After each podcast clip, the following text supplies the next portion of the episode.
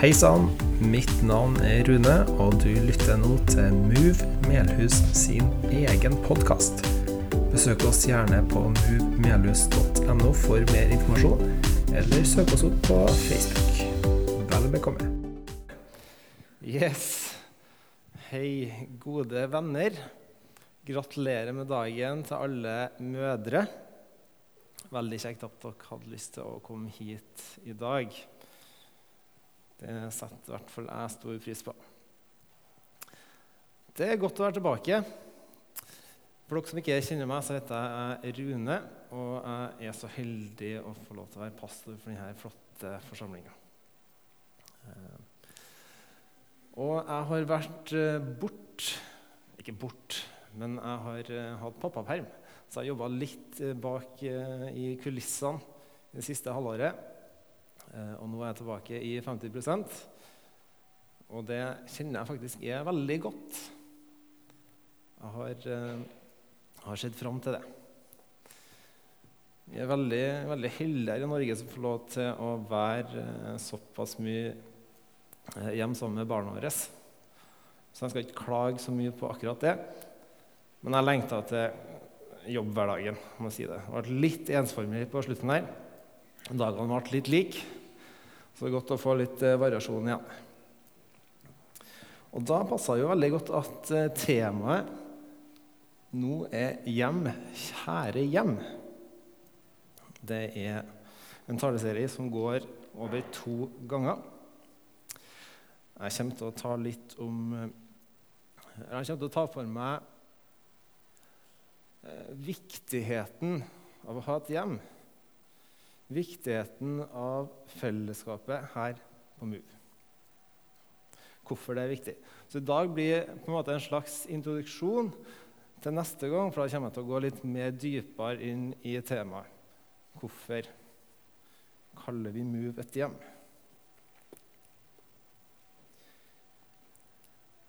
Jeg vet ikke, Hvis du skulle ha beskrevet ditt hjem til noen som aldri har vært der før hvordan ville du ha beskrevet det? Kanskje har du begynt eh, med å fortelle hvordan det ser ut rundt hjemmet ditt. Kanskje forteller du litt om fasaden. Og så går vi inn i hjemmet. Så forteller du kanskje hvor mange rom som er der, hvilken type rom. Og så går vi litt i detaljer igjen. Farge på vegger, sofakroken, bilder og sånne ting. Kanskje litt som en boligannonse. da. Hvordan ville du ha solgt hjemmet ditt på best mulig måte? Kanskje er det sånn du ville ha beskrevet det til en person som lurer på hvordan er hjemmet ditt. Det du ikke finner i en boligannonse, det er atmosfæren i hjemmet. Atmosfæren den formes av de som bor der. Det sies at et fattig hjem kan være et rikt hjem. Og et rikt hjem kan være et fattig hjem. Et godt hjem og et dårlig hjem. Og det er ikke selve bygningen som avgjør. Det tenker jeg er folkene som bor her. Noen hjem er åpne, og noen eh, hjem er det motsatte. Åpne hjem, der føler du deg velkommen. Der er det godt å være. Andre hjem kan du føle at her er ikke så godt å være. Jeg vet ikke om du har kjent på det noen gang. Jeg liker hjem som er litt rotete. Det syns jeg er helt fint. Hvis jeg blir invitert hjem til noen, syns jeg det er fint at det er litt rotete. For da kjenner jeg at nå er jeg invitert i hverdagen til noen. Eh, kanskje så er det litt pga. at jeg er ikke så glad til å rydde sjøl. Hvis vi skal invitere noen. Lisa er helt motsatt. da. Så skal det veldig ryddig. Veldig ryddig og shina hvis vi skal ha besøk. Men vi er, vi er forskjellige. Det er jo fint, det òg. Man vil jo gjerne presentere huset sitt på en fin måte. Så jeg skjønner den sida av saken. Da. Men jeg kjenner at jeg, får litt høye skuldre hvis jeg er ute og lister meg inn til noen og passer meg for å rive ned en skulptur eller eh, til gulvet eller sikle på duken. Da får jeg litt høye skuldre. Når jeg var 10-11-12 år, så var jeg hjemme til en venn. Eh, og det hjemmet der var et hjem litt, litt utenom det vanlige. Det var ganske skittent der. Det var uhygienisk. Det var et hus eller et hjem som var fullt av røyk. Tobakksrøyk. Jeg husker en kveld da jeg gikk på gulvet der, så trampa jeg i et eller annet bløtt. Det ble trukket seg inn i sokken. Skvis, skvis. Det viste seg at det var hundeurin. Ikke så delikat. Og det som skjedde, da, var at jeg fikk kjeft. Jeg fikk kjeft. Dette var din feil. For du tråkka i det her. Det burde du ha skjønt. Det burde du ha sett. Og Som barn så opplevde jeg at det var tydelige forskjeller på hjem. På den andre sida var det også hjemmene der eh, jeg virkelig var ønska velkommen. Til mine besteforeldre, f.eks. Der kunne jeg gå inn og ut. Inn og ut hele tida. Det var ikke noe tvil om at jeg var velkommen der. Så var det venner som jeg gjerne skulle besøke, og så ringte jeg på. Så sa nei, han er ikke hjemme ennå, men bare kom inn. Bare kom inn og vent. Hvordan går det med deg? Det var åpne og gjestfrie hjem. Jeg skal ikke bruke så mer tid på de forskjellige hjemmene nå. Jeg har lyst til å starte med en historie fra Lukas. Lukas 2, vers 41-49, da Jesus var tolv år gammel. Initialene bak der eh, forteller hvordan type oversettelse det er. Foreldrene til Jesus brukte hvert år å reise til Jerusalem for å delta i påskehøytiden. Da Jesus var tolv år, dro de dit som vanlig. Etter festen var over og de skulle reise hjem, stoppa Jesus alene i Jerusalem uten at foreldrene visste om det. Foreldrene gikk en hel dag uten å savne. Syns jo det var litt heftig. da. Fordi de trodde at han var sammen med sine venner i reisefølget. Fram mot kvelden begynte de å spørre etter han blant slektninger og venner. Da de ikke kunne finne han noen sted, vendte de tilbake til Jerusalem for å lete etter han der. Og etter å ha lett i tre dager Tre dager, det det er en heftig leteaksjon, kan jeg se for meg. Jeg husker bare sjøl når jeg ble gjenglemt Ikke gjenglemt, det blir feil å si. Men når jeg kom bort fra mamma og pappa på City Syd som liten De var veldig stressa, de i hvert fall. Det skal ikke ta så lang tid før du begynner å bli stressa når ungen din er vekk. Så tre dager det ser jeg for meg er ganske heftig. Men det tok altså tre dager og De fant han til slutt i tempelet, der han satt midt blant de religiøse lærerne og diskuterte vanskelige spørsmål. Alle som hørte måten han ola seg på, undra seg over hans intelligens og kloke svar. Foreldrene hans visste, visste ikke hva de skulle tro, og Maria sa, 'Men Jesus, hvordan kunne du gjøre det her mot oss?' Din far og jeg har vært så redd, og vi har lett etter deg overalt. En eh, menneskelig eh, respons til det der. Jeg tenker jo litt at det er kanskje foreldrene sin feil òg. Kanskje. Men Jesus han svarer.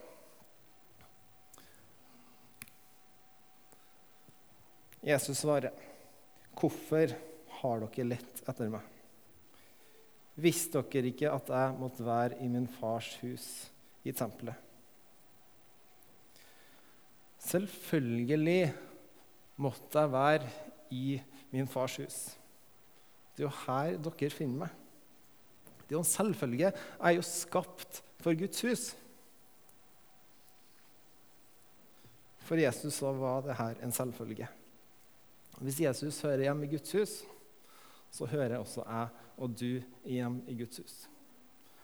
Det skal jeg komme litt mer jeg skal komme fram til litt utover talen. Det var en fantastisk opplevelse en høst i 2010 da jeg eh, vant en budrunde. Skrev under boligkontrakten på min første leilighet. Jeg, jeg kjenner litt den følelsen ennå. Da jeg kom inn, og megleren forsvant. Jeg var alene inne i leiligheten. Mitt eget hjem. Mitt hjem som jeg kan prege og pryde. Jeg hadde bodd sammen med to andre kompiser i fire år. Så det var veldig godt å få litt fri. Egen tid og mitt eget hjem. Jeg kjente at dette var noe som jeg hadde lengta etter. Alle sammen tror jeg at vi lengter etter et hjem. Alle mennesker er kalt til et hjem. Og Det handler nødvendigvis ikke om et eh, hjem med tak og vegger, men en plass eller gruppe eller samfunn der du kan være den du er skapt til å være. En plass der du kjenner at 'her føler jeg meg hjem'. Rick Warren, en relativt kjent eh, pastor eh, pastor og forfatter, sier det her i boka si 'Målretta liv'. Vi er skapt for samfunn, danna for fellesskap og forma for en familie. Ingen av oss kan oppfylle Guds hensikt alene. Vi er skapt for samfunn, danna for fellesskap og forma for en familie. Vi som er kristen, vi er kalt til en enhet. Fordi vi har samme far. Gud er vår far, vi er Guds barn. Fordi vi har samme far, er vi alle sammen brødre og søstre. Brødre og søstre kan være uenige. Det er sånn søsknene er. I det hjemmet der jeg vokste opp, så var vi tre brødre. Og spesielt eh, min mindre bror. Tre år mindre bror, Vegard. Vi var veldig, veldig uenige. Vi hadde som prinsipp å være uenige. Som et utgangspunkt i alle diskusjoner, nesten. En bilferie med oss det måtte ha vært eh, ikke en god opplevelse. Det var mange bilferier lenge opp igjennom. Og minstemann som satt i midten, han var, jeg tror ikke han var noen god megler, han heller. Men jeg ser for meg at foreldrene mine hadde noen, hadde noen triks. Men med såpass mye uenighet da, så lå det, eller ligger det, en kjærlighet i grunn. Noe som heter søskenkjærlighet. Jeg tror det, vi, tror det man kaller det. Vi er søsken, og vi er glad i hverandre. Og Sånn tenker jeg at det òg kan være blant oss kristne. da. Vi er forskjellige. Vi kan være uenige. Kanskje en litt heftig sammenligning å ta, men vi, jeg tror vi også kan være uenige i enkelte ting. Det ser vi spesielt på de forskjellige kirkesamfunnene at det kan være litt uenighet i, i diverse teologiske spørsmål. Og så tenker jeg at det, det, er jo litt Jeg liker å tro i hvert fall at det er unikt at her i Murfellesskapet så har vi så mange forskjellige bakgrunner.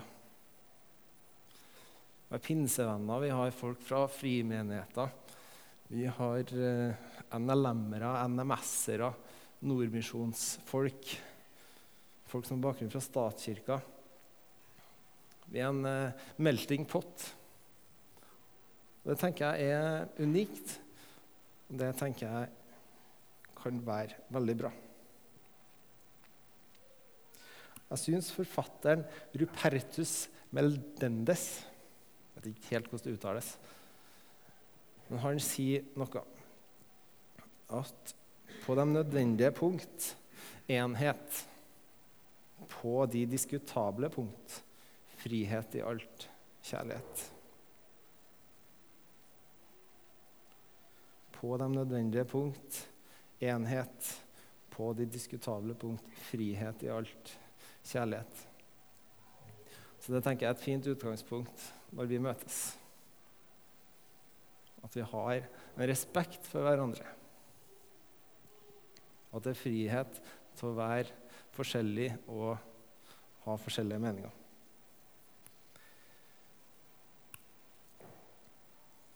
Johannes første brev, kapittel 4, fra vers 20, står det.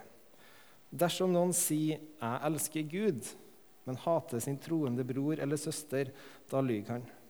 For dersom han ikke elsker sin troende søsken, som han har sett, hvordan kan han da elske Gud, som han aldri har sett? Gud har gitt befaling om at den som elsker han, også må elske sin troende søsken. Hver og en som tror at Jesus er Kristus, kongen som Gud har lovt å sende, de er Guds barn. De som elsker Far i himmelen, elsker også hans barn. Og Med den kjærligheten her så tenker jeg vi har et flott utgangspunkt når vi skal snakke om Move som hjem. Men hvorfor? Hvorfor er det viktig at man har et sånt her hjem som Move? Nikki Gamble, mannen bak alfakurset, og som leder en menighet i London, Holy Trinity, kan det stemme? Han sier at det er to ting vi mennesker ikke kan gjøre alene. Det ene er å gifte seg. Det andre er å være kristen. Det er de to tingene vi mennesker ikke kan gjøre alene. Nøkkelen her er flertall. Og nøkkelen her er relasjoner. Jeg har et ønske om at MU skal få være et hjem der det er godt. Et godt hjem der det er godt å komme. Et hjem man lengter etter. En plass der man kjenner at her er det godt å være. Et hjem der man møter familien sin. Et hjem der det er plass for alle sammen. Et hjem der man kan komme på tross av at man føler at dagen er dritt. Hjem man kan komme til når skammen ligger på skuldrene. Et hjem du kan komme til når du ikke føler deg verdig nok. Den dagen man ikke føler seg god nok eller flink nok til å komme på gudstjeneste i Move, da har vi bomma. Ja, jeg tror det kan være enkelttilfeller der eh, man vil føle det sånn. Men hvis det er kulturen her det definerer fellesskapet at man må være god nok eller flink nok. Da har du bomma.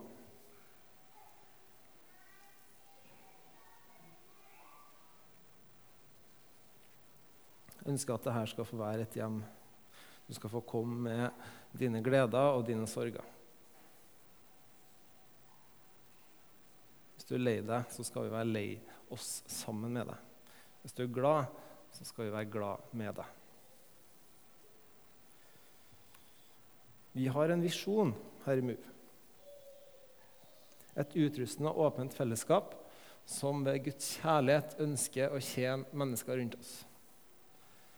Dette òg er en visjon som, skal få lov til å definere hvilken type hjem dette er. I MU så skal du få lov til å bli utrusta utrusta til tjeneste, utrusta som disippel. Alle vi som tror på Jesus, er disipler. Vi er gitt forskjellige gaver, forskjellige verktøy i hendene. de skal du få lov til å ta i bruk her.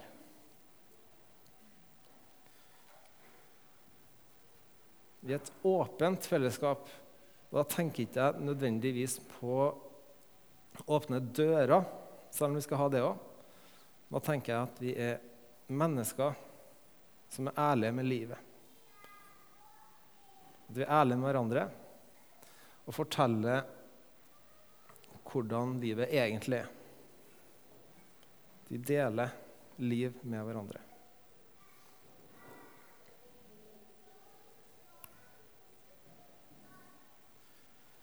Og vi ønsker å tjene mennesker rundt oss med Guds kjærlighet. Vi ønsker å nå ut. Vi ønsker å nå ut til Melhus, Melhus og omheng. Og at det er kjærlighet som skal få være kjennetegnet vårt. Jeg tror at Gud er kjærlighet, en definisjon på kjærlighet. At vi skal få lov til å være ambassadører for MOVE, ambassadører for Guds rike.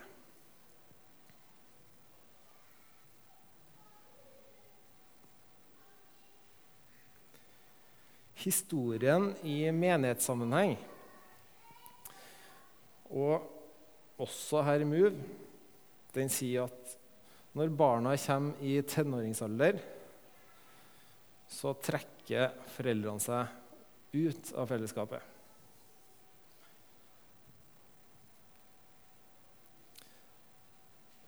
Og det ser vi. Eh, og det forteller meg minst to ting. da. En, det forteller meg at Minimove, minimum, barnearbeidet vårt, er veldig viktig og kjempebra.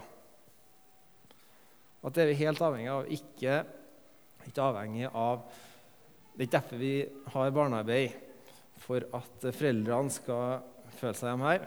Vi tror også at at det er mange andre grunner til at vi har Minimove. Det er noen fantastiske verktøy som ungene får med seg ved å være en del av det. Men det forteller meg at det er viktig hvis vi skal ha et voksende menighet i antall, så er barnearbeidet essensielt. Så forteller det meg også at menigheten ikke oppleves som et hjem for alle sammen. For noen år tilbake, før jeg ble en del av Move, så satt det sentrale personer og tenkte på det her og så det her. De så det her som en utfordring og syntes at det var trist at enkelte trakk seg vekk fra fellesskapet. Så har det nå blitt meg fortalt at flere som satt og prata om det her, har trukket seg ut. Og det tenker jeg er alvorlig. Hvor blir det av 40-50-årsgenerasjonen? Er det sånn at man ikke føler seg nyttig når man kommer hit?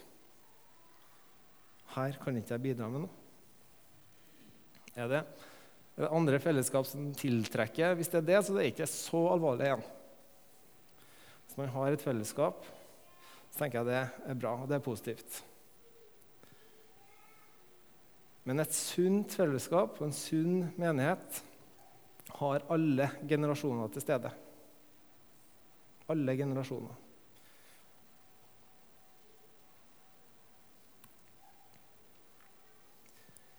Forfatteren av Hebreerne, kapittel 10, 24-25, sier La oss på alle måter oppmuntre hverandre til å vise kjærlighet og være hjelpsom. La oss ikke være likegyldige til møter og gudstjenester sånn som visse personer bruker å gjøre. La oss i stedet bruke disse anledningene til å styrke og oppmuntre hverandre, spesielt ettersom, det, spesielt ettersom dere ser at dagen nærmer seg da Gud skal dømme verden. Vi må ha litt eh, formaning òg. Forfatteren peker på at det er viktig og ikke trekke seg vekk. Men det er viktig å møtes. La oss heller møtes og oppmuntre og styrke hverandre. Det kan jo være flere grunner til at uh, folk trekker seg ut. Men jeg skulle gjerne likt og visst hvorfor. Men jeg tror kanskje at uh, vi ikke helt har forstått avhengigheten, eller hvor avhengige vi er av fellesskapet. Fellesskapet trenger deg, men jeg skal love deg at du trenger fellesskapet mer.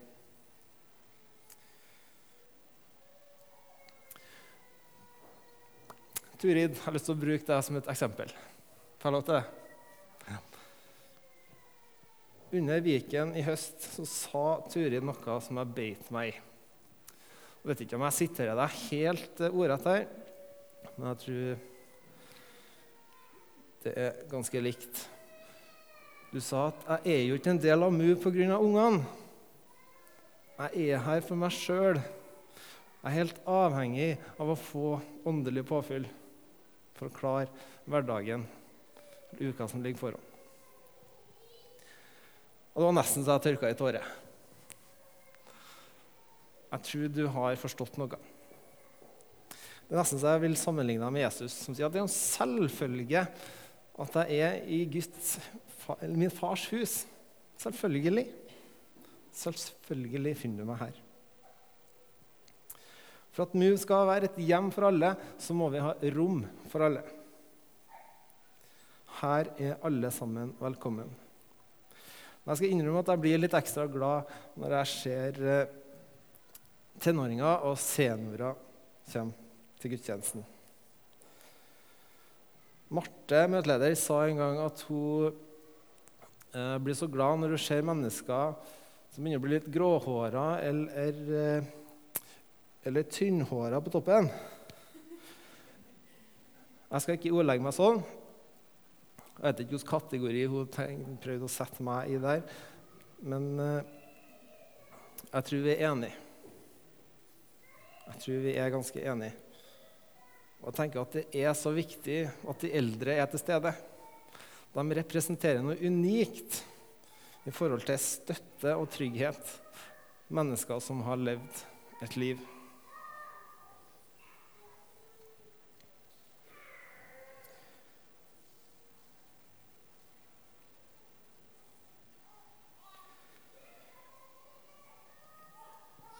Jeg ser at tida begynner å gå fra meg, så neste Neste punkt nå tenk, tror jeg jeg venter til neste gang.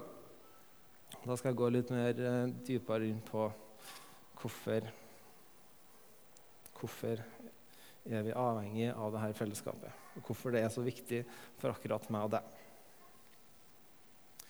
Når man kommer inn her, så skal man få kjenne på følelsen at det her er hjem. Hjemmet mitt. Hjem, kjære hjem.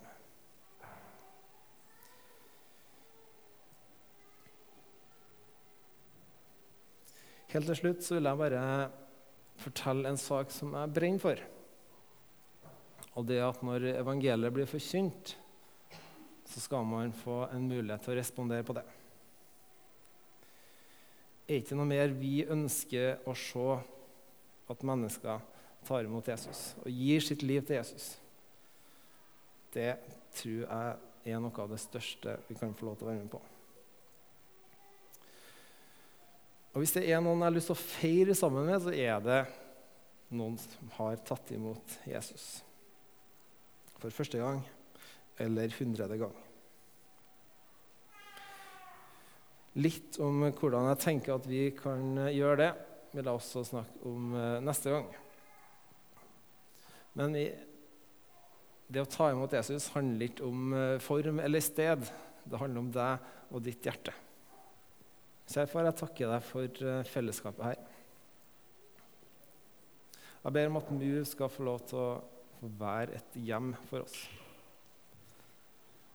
Jeg ber om at det skal få være et åpent hjem. Et hjem der man kommer inn i og kjenner at her er det virkelig godt å være. At her møter du mennesker.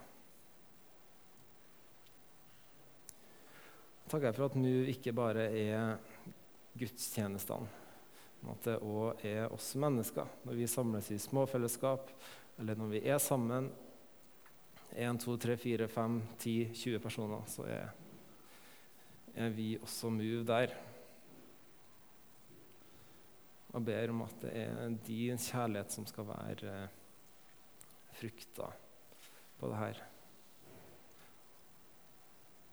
Og at folk som ikke kjenner deg, så skal få tenke det når de ser oss, at oi, det her er mennesker som har kjærlighet til hverandre. Det er noe spesielt med dette fellesskapet. Jeg ber om at uh, la det få være tiltrekkende Jesus, og det på grunn av deg.